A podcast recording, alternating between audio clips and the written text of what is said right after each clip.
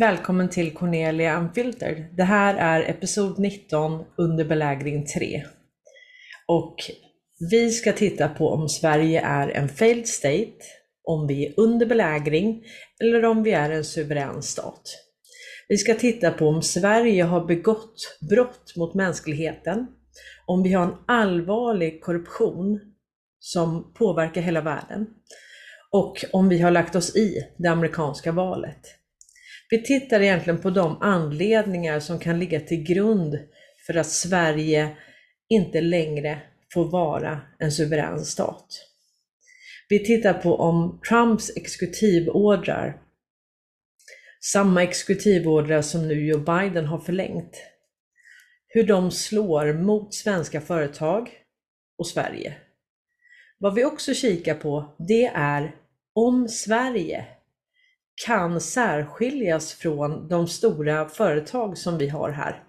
Och då tänker jag främst på Wallenbergs, oligarkfamiljens olika företagsintressen som verkar vara helt integrerade med svenska staten.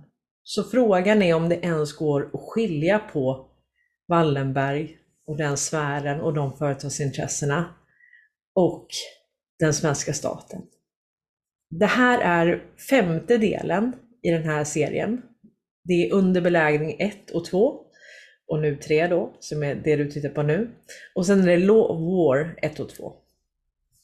Och vad jag har gjort är att jag har gjort en eh, Dropbox som jag delar med er, där jag kommer lägga eh, de här exekutivorderna som jag kommer gå igenom nu, som eh, Leonard har översatt till svenska och det är vi jättetacksam för, Leonard Johnson. Och sen det förra avsnittet så har jag varit helt överöst med e-mails. Det är många, jag hinner inte svara på allting nu. Jag ska försöka komma ikapp det sen. Men det är så mycket som händer nu och jag måste spela in mina videos också så jag, jag hinner inte riktigt svara alla individuellt. Jag ska försöka hinna det. Eh, men får ni inget svar så är det inte att jag inte vill utan det är bara att jag har inte hunnit helt enkelt. Och jag tackar också för det enorma stöd som ni visar. Ni delar, ni gillar, ni kommenterar, ni stöttar kanalen på Swish. Eh, och nu har jag fått normen också som jättegärna vill stötta den här kanalen. Så därför har jag öppnat en Paypal. Men nu måste vi köra om vi ska hinna med allting som vi ska prata om här idag. Leonard Johnson har översatt eh, exekutivorder 13818 som Trump skrev då 20 december 2017. Då skriver Leonard Johnson så här.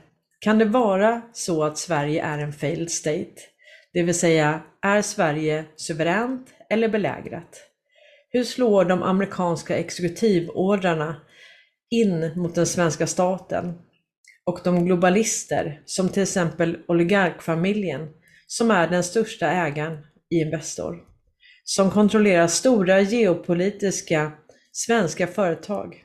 När det nu har visat sig att det finns allvarlig korruption, mutbrott och misstankar kring brott mot mänskligheten.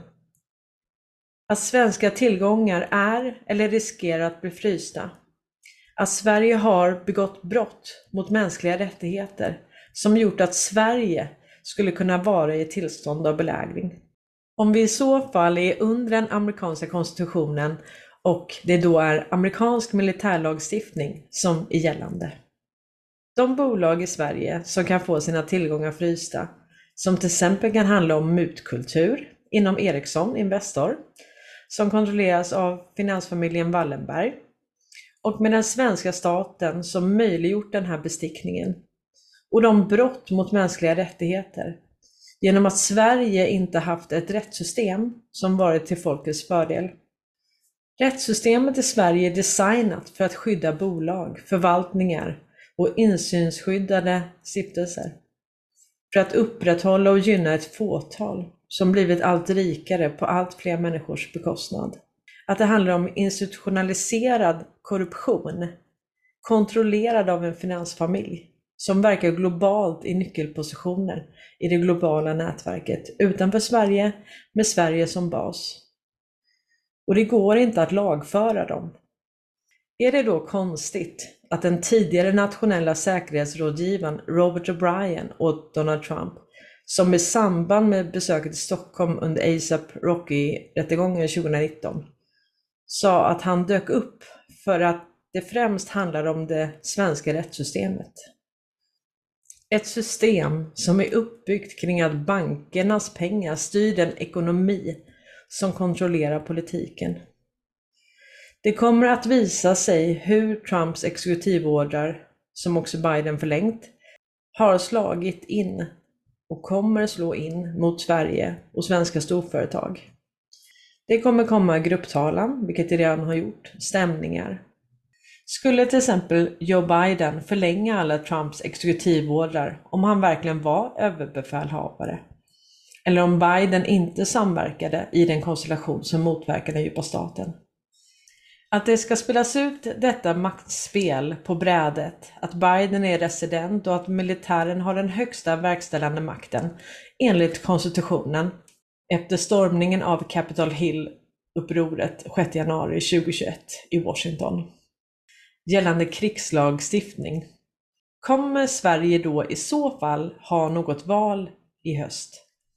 Så vi får väl se om det blir något val. Det blir ju kanske ganska jobbigt om det inte blir något val. Och de här då som kallar sig vakna inte har förstått någonting. Det kommer inte se så bra ut helt enkelt. Så det, det, blir väldigt spännande. Med, med, bara några veckor kvar så är det ju, vi får ju snart svaret. Många av de här säger sig förstå systemet. Förstå att det här är ett folkbildningsprojekt. Förstå att det här är en stingoperation och förstå att hela systemet är riggat. Men ändå så tycker man då att det är en bra idé. Eh, så om vi säger att eh, jag berättar för dig att det finns en riggad fotbollsmatch här, där det redan är klart utgången. Du kommer ändå betta dina pengar på, alltså, på den här matchen då. Fast du vet att du inte har en chans. Och jag menar, om jag vet att du inte har en chans, och jag ändå försöker få dig att komma med en insats. Jag försöker få dig att betta i det här riggade spelet. Vad säger det om mig då? Ja. Kommer Sverige då i så fall ha något val i höst? Det kommer visa sig väldigt snart. Läs denna exekutivorden noga, för den gäller inte bara den amerikanska befolkningen. Att förräderi inte passerar ostraffat i någon frizon och även att undersöka och sätta sig in i den amerikanska konstitutionen, US Code och Law of War. Vi kommer kika lite på ett annat svenskt företag idag som har begått hemska brott mot mänskligheten. Och jag kommer avsluta med en video som jag hittade på Youtube som är gjort för 11 år sedan. Den eh, berörde mig i alla fall. Så det finns ju väldigt många där ute som har varit medvetna väldigt, väldigt länge och som ändå har försökt göra någonting. Som inte har gett upp hoppet om mänskligheten utan ändå har försökt sprida information. Vi ska titta här på ett kort klipp. Och som sagt, den exekutivorden 138.18 som är utfärdad av Donald Trump den 20 december 17 är alltså eh, viktig att komma. Eh, det, det kan man säga. Och den här har förlängts då av Joe Biden dessutom då eh, det, det, det, kanske man ska fundera lite på. Hur kommer det här sig då? då? Är, är det, verkar väl helt dumt i huvudet då, om det är någonting som... Mm. Men det är inte planerat på något sätt. Mm. Det är inte det. Ja, vi lär få se helt enkelt. och, och och hur slår de här amerikanska exekutivorderna om den svenska staten och globalisterna som oligarkfamiljen Wallenberg och sådär? Ja, det är ju som det är helt enkelt. Och Eh, att svenska tillgångar är eller riskerar att bli frysta, att Sverige har gjort brott mot mänskliga rättigheter som gör Sverige eh, ja, till någonting som skulle kunna vara i ett tillstånd av belägring just nu. Skulle det kunna vara så? Alltså den här oh, Kearsarge där och Mm, då fick vi in den nästa och så Kaknästornet där 18 och, och, och sen tappar de bort VMA-koderna och, och, instruktionerna och bla bla bla liksom. Så, ja, konstigt det där. Mm. Och, och, man får nog säga att eh, sen Donald Trumps tid alltså så har det ju varit en väldigt ökad militär närvaro i Sverige från amerikansk sida. Får man nog ändå tillstå. Helt utan anledning naturligtvis och utan uppsåt. Ingen planering, ingen strategisk planering framför allt. Och, och framför allt så är det ju så att eh, Donald Trump inte eh, har något samarbete med andra länders ledare som upplever att man har problem med den djupa staten och de intressen som verkar inom respektive land. Mm. Mm, så är det inte. Nähä. En annan exekutivorder som är otroligt viktig i det här läget, det är exekutivorder 13959. Och det handlar om att ta itu med hotet från värdepappersinvesteringar som finansierar kommunistiska kinesiska militära företag. Då skriver Leonard Johnson så här. Ett litet exportberoende land vars humanitära stormaktskap bygger på att ett fåtal svenskar på ett brutalt vis lägger sig i Kinas inre angelägenheter. I över 200 år. Panda Electronics är ett bolag som ägs av den kinesiska staten och Ericsson, Wallenberg alltså. Ericsson har använt strategiska komponenter för sin 5G-utrustning från ett samriskföretag de äger ihop med kinesiska statsägda Panda Electronics. Ericsson står ju då under DOJ, alltså amerikanska justitiedepartementet, sedan november 2019. Men ändå äger de bolag ihop med den kinesiska staten som då också riskerar att komma i kontakt med den kinesiska militären. Investors fotavtryck över den hela geopolitiska scenen. Ericsson har alltså över 60 000 patent och har fler investeringar gjorda i Kina än vad Kina förfogar över i hela Sverige. Ericsson ingår dessutom också i en koncern med ABB som kontrollerar stora delar av den kinesiska kraftförsörjningen och som har sin datalagring i Kina i Huaweis moln. Och här går Trump alltså in och anger ett antal, en lång lista på företag som finansierar kommunistiska kinesiska militära företag. Och även här har vi då ett fåtal svenskar, Wallenberg, Ericsson. Så vi tackar Leonard så mycket och jag lägger det i Dropboxen eh, så kan ni gå in och hämta de här översättningarna. Vi har ju pratat om det och det vi undersöker här det är ju om det går att särskilja Wallenberg, de företagsintressena och den svenska staten. Och här kommer nu en artikel i SvD Näringsliv som handlar om svensk försvarsindustri. Och det som är rätt intressant med det här, det var ju hur det gick till när Sverige först beslöt sig för att inte tillverka ubåtar. Och sen hur man ändå bestämde sig för att man skulle tillverka ubåtar. Och Saab använde alltså den svenska militären till att gå in och beslagta dokumentationen från Thyssen. Så i den här artikeln då så berättar hon om hur marinen tillsammans med FMV sköter inköping av materiell till svenska försvaret och Saab som tillverkar allt från ubåtar till stridsflygplan och försöker ändra arbetssätt. Framöver ska de jobba tätare och mer parallellt. Och en bit söderut längs Östersjökusten håller kanske en del av det nya på att ta form. Det är på högkvarteret på Muskö. Här nere har flottan sin marinbas. Och räknar man in alla som jobbar för Försvarsmakten handlar det om 1900 personer. Vägg i vägg med marinbasen ligger också Saab-ägda Kockums varv. I snart 350 år så har man tagit fram fartyg till marinen. För några år sedan var allting nära att ta slut. Efter Sovjetunionens fall var viljan att satsa på militären låg, samtidigt som Europa hade betydligt fler vapenfabriker än det fanns behov av. Det ledde till att de svenska politikerna lät Kockums tyska konkurrenter ta över för att i praktiken lägga ner varvet. Men så vände allt. Rysslands krig mot Georgien och invasionen av Krim gjorde att det säkerhetspolitiska läget försämrades och plötsligt ville regeringen ha kvar kompetensen att bygga ubåtar i Sverige. Sedan blev det dramatiskt värre. De tyska ägarna var inte pigga på att låta Sverige ta över igen och då svarade FMV med att ta militären till hjälp för att lägga beslag på alla hemligheter om de svenska ubåtarna som det tyska bolaget satt på. Efter det var striden över och varvet i Karlskrona ihop med Kockums utvecklingsavdelning i Malmö hamnade hos försvarsindustriföretaget Saab. Som grädde på moset fick Saab sedan en stor beställning av två nya ubåtar till den svenska marinen.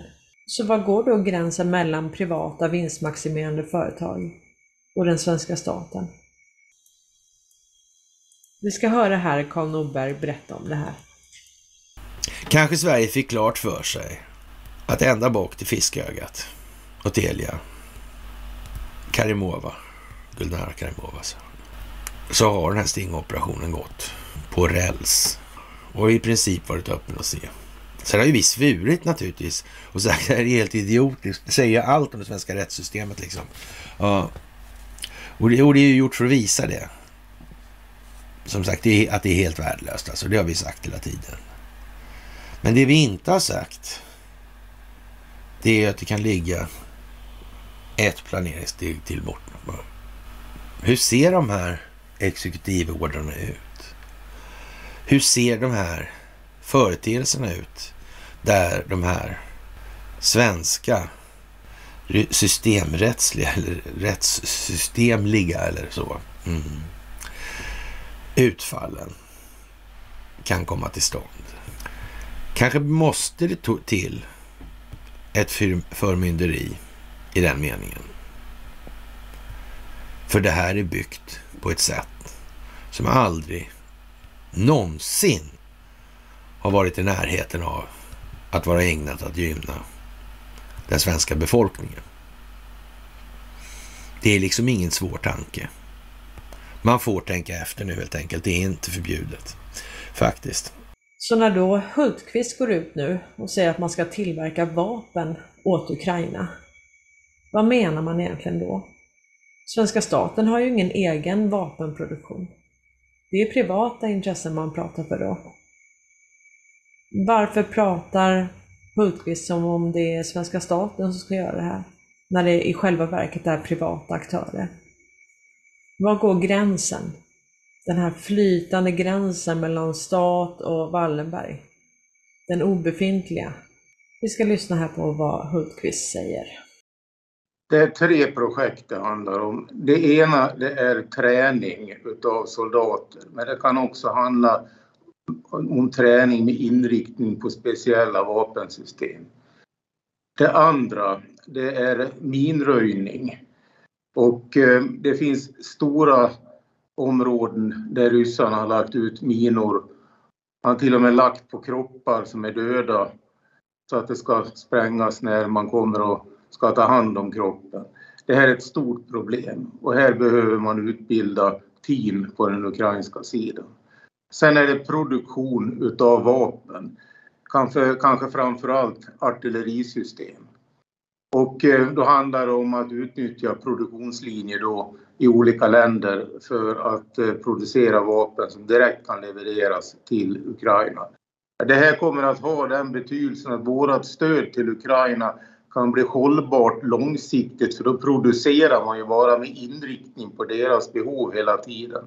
Så att eh, vi räknar med att konflikten blir långvarig och därför så menar vi att de eh, leveranser som hittills har varit ska kompletteras också med direktproduktion. Nu ska vi prata lite om Lundin Oil. Nu är de i blåsvädret igen och den här gången handlar det om Chile.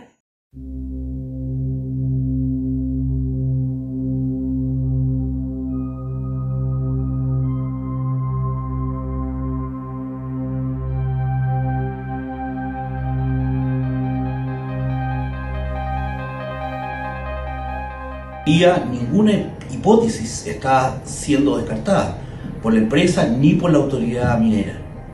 Seguiremos trabajando con las autoridades a fin de determinar la causa que originó el socavón y para garantizar la tranquilidad de las personas de la comunidad.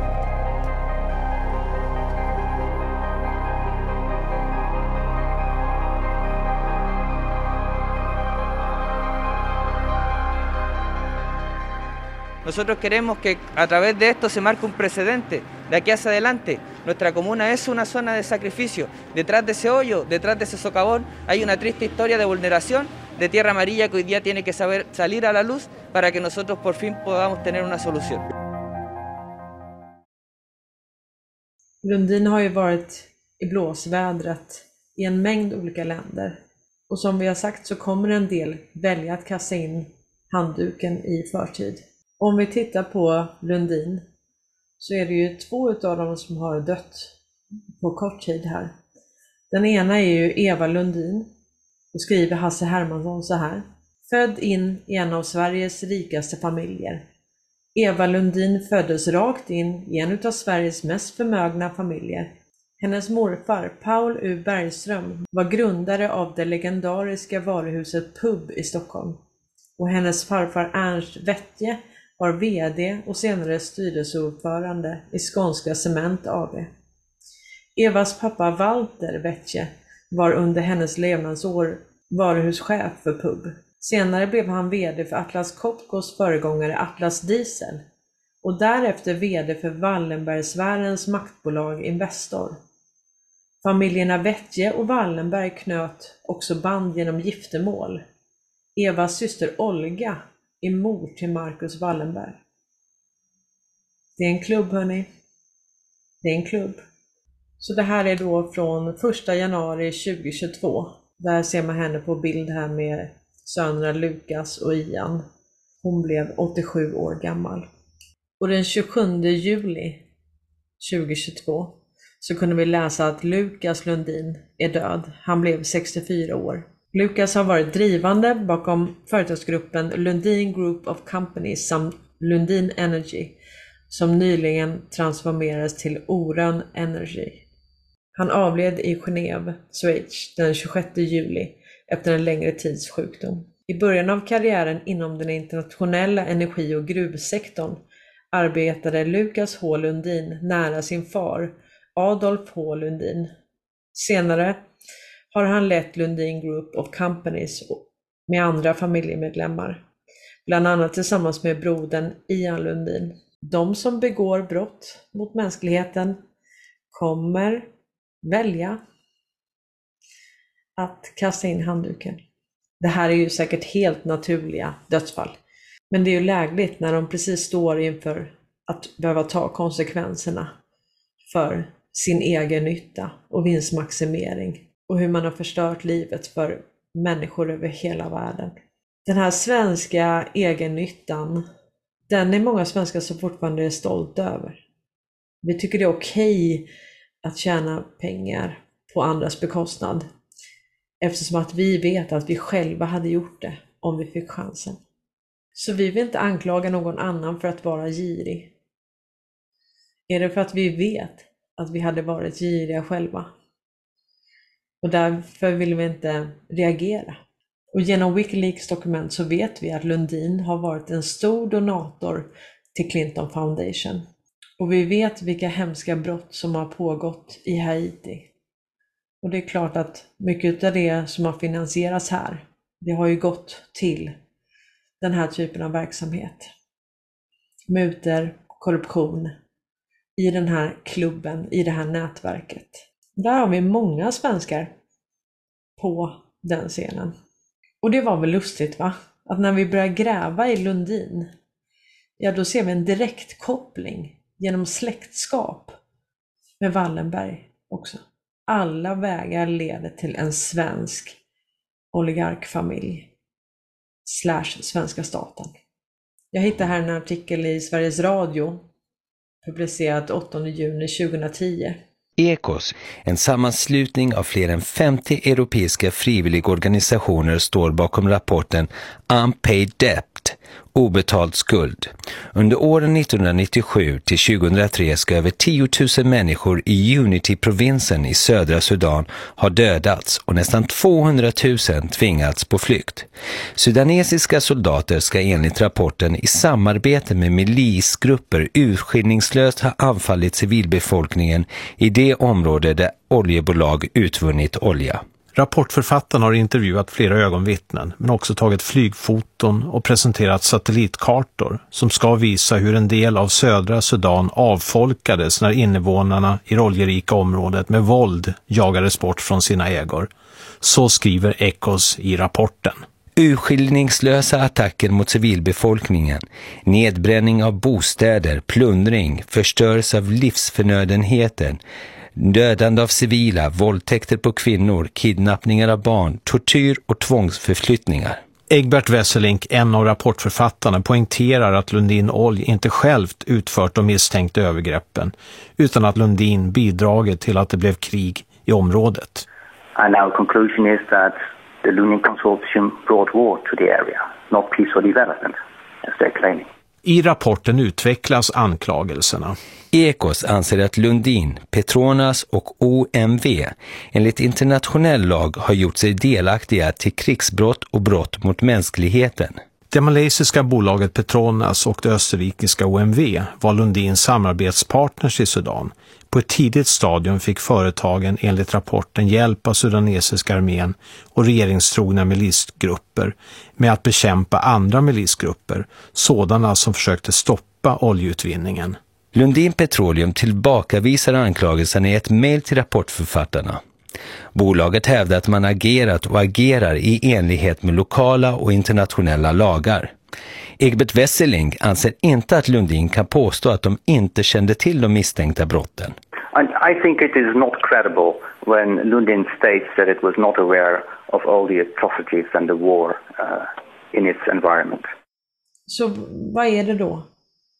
Vad är det då som Carl Bildt och Hultqvist och Löfven och alla svenska politiker vad är det de är involverade i här? Det framkommer ju mer och mer och mer att det de har bedrivit i andra länder, det är inget annat än plundring, skövling, brott mot mänskligheten, krigsbrott, korruption, muter. Och de har gjort det på uppdrag av privata företagsintressen. De har till och med använt den svenska militären till att gå och plocka tillbaka företagshemligheter åt ett privat företag. Och nu ska då de här privata företagen, de ska tillverka vapen till Ukraina då. Och vi tror fortfarande att vi förtjänar att vara suveräna. Att vi inte är en failed state. Vi ska avsluta med en film hörni, som Youtube-kanalen Swedish Dictatorship la upp för 11 år sedan. Och det här är, det här är starka bilder.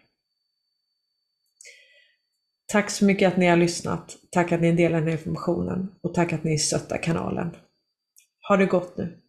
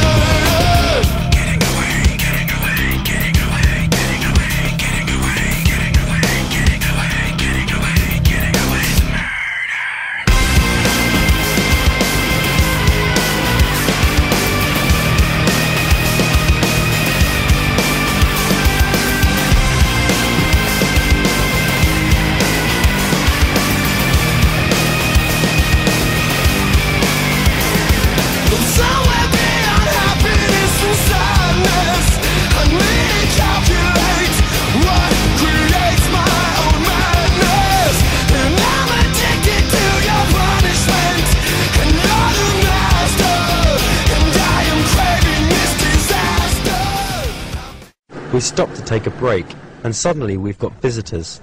A group of child soldiers appear as if from nowhere. They are from one of the militia groups who are fighting one another in the area, though it's hard for an outsider to say which group it is. How do you feel about this? Uh, child soldiers protecting the oil fields? Well, I think uh, to protect protecting the oil field is, is, a, is a general generalization. I'm very upset about seeing child uh, soldiers in general. I think uh, I have children myself, and to see uh, children of this age uh, carrying arms is a very disturbing uh, fact.